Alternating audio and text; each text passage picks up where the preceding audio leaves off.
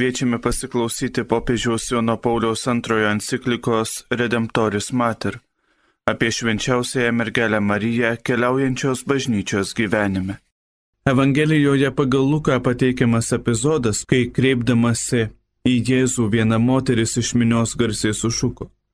Palaimintos iščios, kurios tave nešiojo ir krūtys, kurias žindai. Šiais žodžiais Marijai reiškiama pagarba kaip Jėzaus motinai pagal kūną. Ši moteris tikriausiai asmeniškai nepažinojo Jėzaus motinos.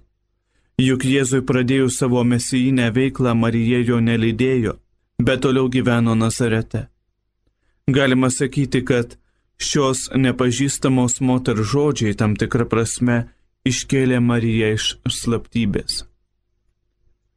Šie žodžiai bent akimirksniui minioje leido nušvisti Jėzaus vaikystės Evangelijai. Tai Evangelija, kur Marija veikia kaip motina, pradedanti Jėzų savo iščiuose, jį pagimdanti ir motiniškai žindanti. Žindanti motina, apie kurią užsimena moteris iš minios. Šios motinystės dėka Jėzus aukščiausiojo sūnus yra tikras žmogaus sūnus. Kaip ir visi žmonės, jis yra kūnas. Jis yra žodis, kuris tapo kūnu. Jis yra Marijos kūnas ir kraujas. Jėzus labai įsidėmėtinai atsiliepia į palaiminimą. Nepažįstamos moters ištarta, jo motinos pagal kūną atžvilgių. Dar labiau palaiminti tie, kurie klausosi Dievo žodžio ir jo laikosi. Jis nori nukreipti dėmesį nuo motinystės suprastos vien kaip kūno ryšys, ir atgręžti į slepiningus dvasinius saitus, besiformuojančius klausantis ir laikantis Dievo žodžio. Tokia pati kreiptis į dvasinių vertybių sritį dar iškesnė kitame sinoptikų užrašytame Jėzaus atsakyme. Kai Jėzui pranešama, kad jo motina ar broliai stovi laukia ir nori su juo pasimatyti, jis atsako, Mano motina ir mano broliai tai tie, kurie klausosi Dievo žodžio ir jį vykdo. Jis tai pasako apžvelgęs aplink sėdinčius Evangelijoje pagal morkų arba ištiesęs ranką į mokinius Evangelijoje pagal matą. Šie posakiai atrodo derantys su tai, ką Jėzus būdamas dvylikos metų atsakė Marijai ir Juozapui, kai šie po trijų dienų surado jį Jeruzalės šventykloje. Dabar Jėzus palikęs Nazaretą ar pradėjęs savo viešąjį gyvenimą visoje Palestinoje, visiškai ir išskirtinai panirsta savo tėvo reikaluose. Jis kelbė karalystę, Dievo karalystę ir tėvo reikalus, taip pat suteikiančius naują matmenį bei naują prasme viskam, kas žmogiška ir vadinasi bet kuriam žmogiškam saitui. Neišleidžiant iš akių kiekvienam žmogui keliamo tikslo ir pareigos. Vadovaujantis tokiu nauju matmeniu, net broliškumo saitai savo prasme įma skirtis nuo brolystės pagal kūną, kurią lemia kilmė iš tų pačių tėvų. Ir net motinystė Dievo karalystės perspektyvoje paties Dievo tėvystės požiūriu įgyja kitą prasme. Luko pateikiamai žodžiais Jėzus kaip tik moko šios naujos motinystės prasmės. Ar tuo jis atsitolina nuo savo motinos pagal kūną? Ar jis nori palikti ją slaptumo šešėlyje, kurį ji pati pasirinko? Tenkinantis pirmąją šių žodžių reikšmę, gali atrodyti, kad taip ir yra, bet būtina pabrėžti, jog naujoji, kitoji motinystė, apie kurią Jėzus kalba savo mokiniams, kaip tik pirmiausia tinka Marijai. Argi Marija nėra pirmoji iš tų, kurie klausosi Dievo žodžio ir jį vykdo? Ir ar tada Jėzaus palaiminimas ištartas, atsiliepiant į nepažįstamos moters žodžius, pirmiausia neskiriamas jai? Marija tikrai verta palaiminimo, nes tapo Jėzaus motina pagal kūną. Bet ypač todėl, kad nuo pat angelo prieiškimo momento priėmė Dievo žodį, įtikėjo ir pakluso Dievui, įsidėmėjo žodžius bei svarstė juos savo širdyje. ir vykdė juos visą gyvenimą. Vadinasi, galime tvirtinti, kad Jėzaus palaiminimas neprieštarauja. Kaip gali atrodyti iš pirmo žvilgsnio palaiminimui ištartam nepažįstamos moters. Bet abu susijungia asmenyje motinos mergelės, te laikančios save viešpaties tarnaitę. Jei tiesa, kad palaiminta ją vadins visos kartos, tai galima sakyti, jog ši nežinoma moteris buvo pirmoji, kuri pati to nenujausdama patvirtino šią pranašingą Marijos magnifikat eilutę ir pradėjo amžių magnifikat.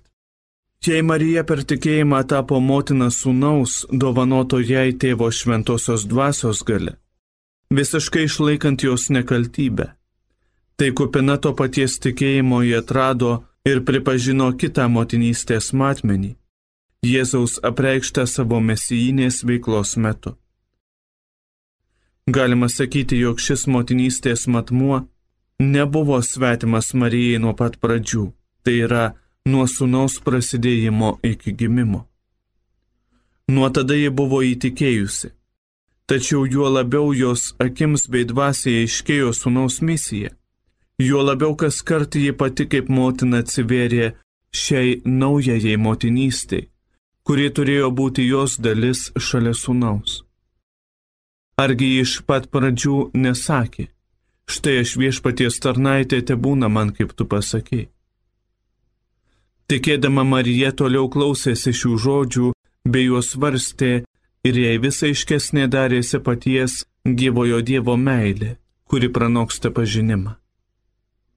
Tad Marija kaip motina tam tikrą prasme tapo pirmąją savo sūnaus mokinę, kuriais savo sek paskui mane jis ištarė anksčiau negu paštulams ar kam nors kitam. Šiuo požiūriu itin iškalbingas Evangelijos pagal Joną pasakojimas, kuriame Marija vaizduojama kanos vestuvėse. Čia Marija pasirodo kaip Jėzaus motina jo viešojo gyvenimo pradžioje Trečią dieną Galilėjos kanoje buvo vestuvės. Jose dalyvavo Jėzaus motina. Į vestuvės taip pat buvo pakviestas Jėzus ir jo mokiniai. Iš pasakojimo galėtume spręsti, kad Jėzus ir jo mokiniai buvo pakviesti kartu su Marija, nes jie dėl kažkurios priežasties ten dalyvavo. Sūnus atrodo pakviestas dėl motinos. Žinome, kaip kokie įvykiai įsirutuliojo iš šio pakvietimo. Tai Jėzaus daromų ženklų pradžia. Vanduo paverčiamas vynu. Tai, kas verčia evangelistą pasakyti, Jėzus parodė savo šlovę ir mokiniai įtikėjo jį. Marija dalyvauja Galilėjos kanoje kaip Jėzaus motina ir reikšmingai prisideda prie pradžios ženklų, parodančių jo sūnaus kaip mesijo galę. Įsibaigus vynui, Jėzaus motina jam sako, jie nebeturi vyno. Jėzus atsakė, o kas man ir tau, moterie, dar netėjo mano valanda. Evangelijoje pagal Joną ši valanda reiškia tėvo nustatytą laiką, kai sūnus atliks savo darbą ar bus išaukštintas. Nors Jėzaus atsakymas atrodo kaip atsisakymas, ypač labiau turint galvoje tvirtą konstatavimą, dar netėjo mano valanda. Marija vis dėlto kreipėsi į tarnus ir jiems tarė, darykite, ką tik jis jums lieps. Tada Jėzus liepia tarnams pripilti indus vandens ir vanduo virsta vynu geresniu už pateiktą jį vestuvių pokilio pradžioje. Koks gilus Jėzaus ir jo motinos tarpusavio supratimas kaip įsiskverbti į jų artimos dvasinės vienybės slėpinį. Tačiau pats faktas iškalbingas. Šis įvykis tikrai išryškina naują Marijos motinystės matmenį ir naują prasme. Marijos motinystė turi reikšmę, kurios neperteikia vien sinoptikų užrašyti Jėzaus žodžiai ir įvairūs epizodai. Tuose tekstuose Jėzus nori prieš priešinti motinystę kylančią iš gimimo fakto, motinystėj kaip ir broliškumui, kuriai būdingas Dievo karalystės matmuo.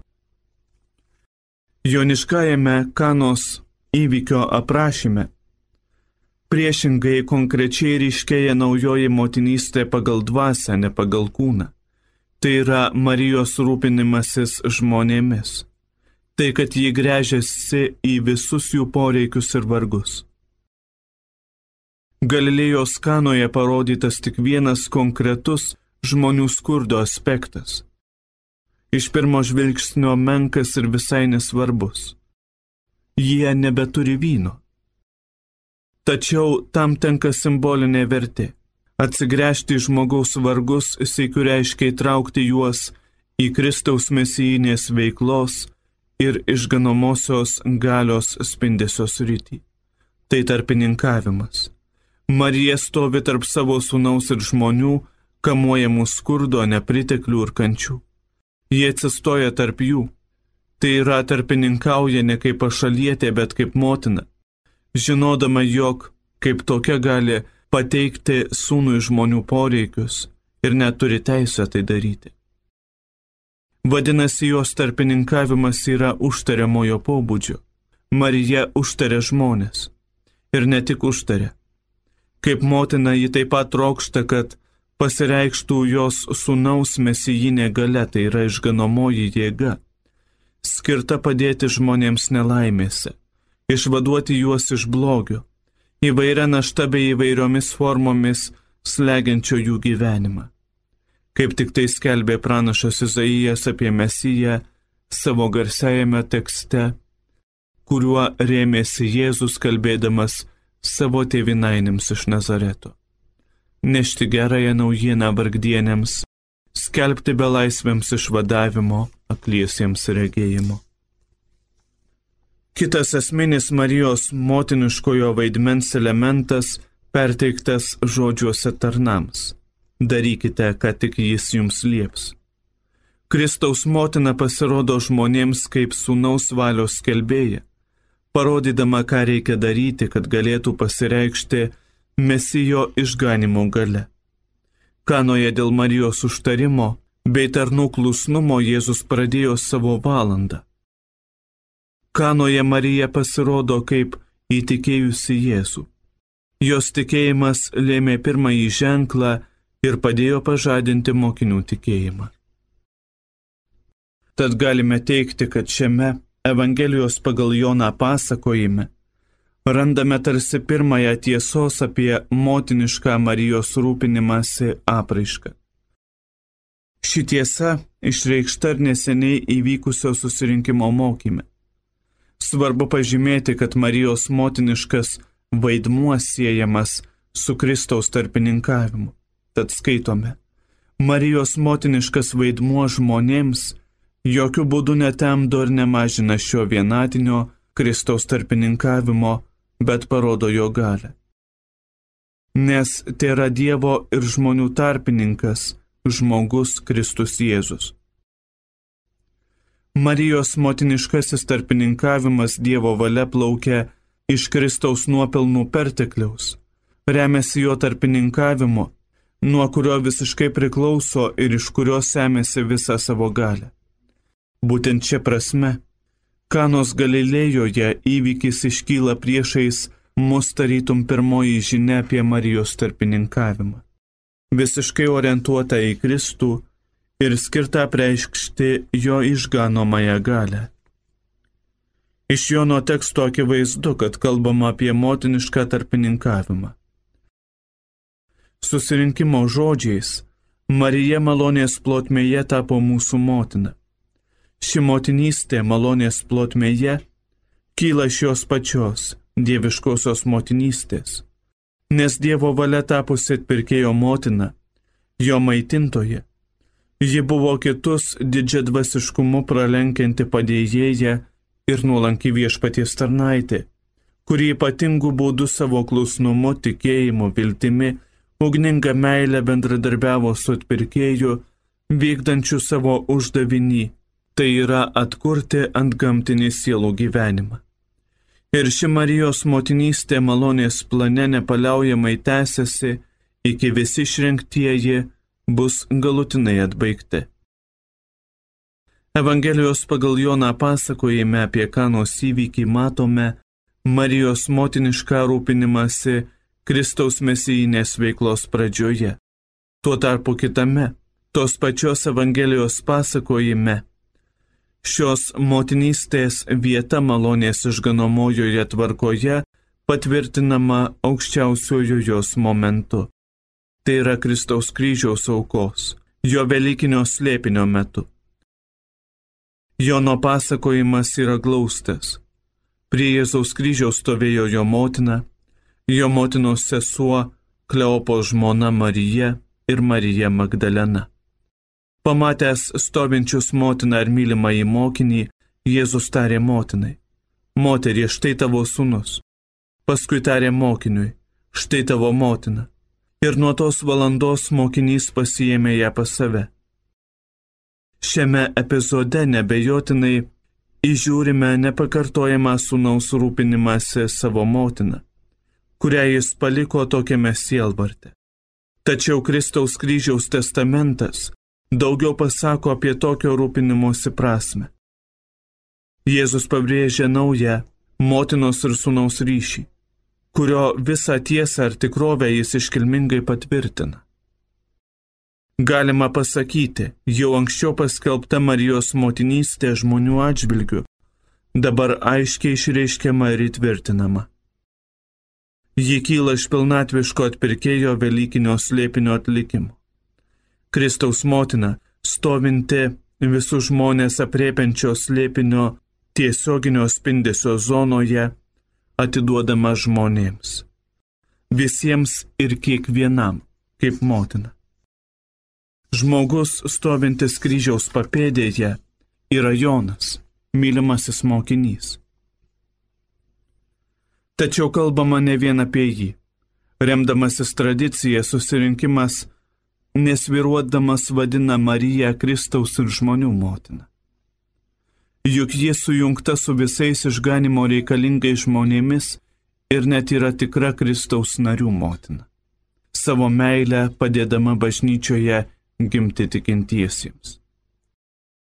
Ši nauja Marijos motinystė kilusi iš tikėjimo yra vaisius naujosios meilės, galutinai joje subrendusios kryžiaus papėdėje, dalyvaujant atperkamojoje sunaus meilėje.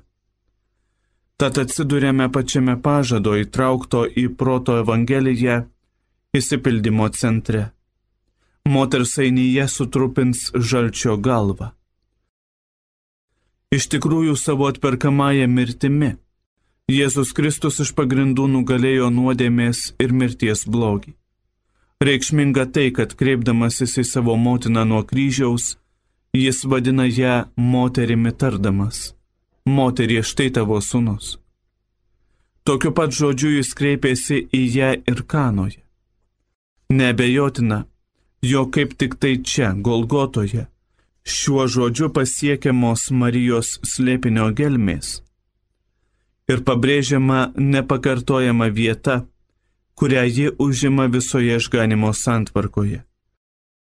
Susirinkimo žodžiais tariant su Marija, prakilnėję Siono dukterimi, ilgai laukus pažado įsipildymo, ateina laikų pilnatvė ir prasideda nauja išganimo santvarka, kuomet Dievo sūnus priima iš jos žmogiškąją prigimtį, įdant savo kūno slėpiniais išlaisvintų žmogų iš nuodėmės. Žodžiai Jėzaus ištarti nuo kryžiaus liudyje, kad Kristaus motinos motinystė naujai ptesama bažnyčioje ir per bažnyčią, simbolizuojama Jono. Tad ta, kuri kaip malonėmis apdovanotoji buvo įvesdinta į Kristaus slėpinį, kad būtų jo motina, tai yra šventąją Dievo gimdytoje, išlieka bažnyčios slėpinyje kaip moteris. Išganimo istorijos pradžioje minima pradžios knygoje ir pabaigoje apreiškimo Jonui knygoje.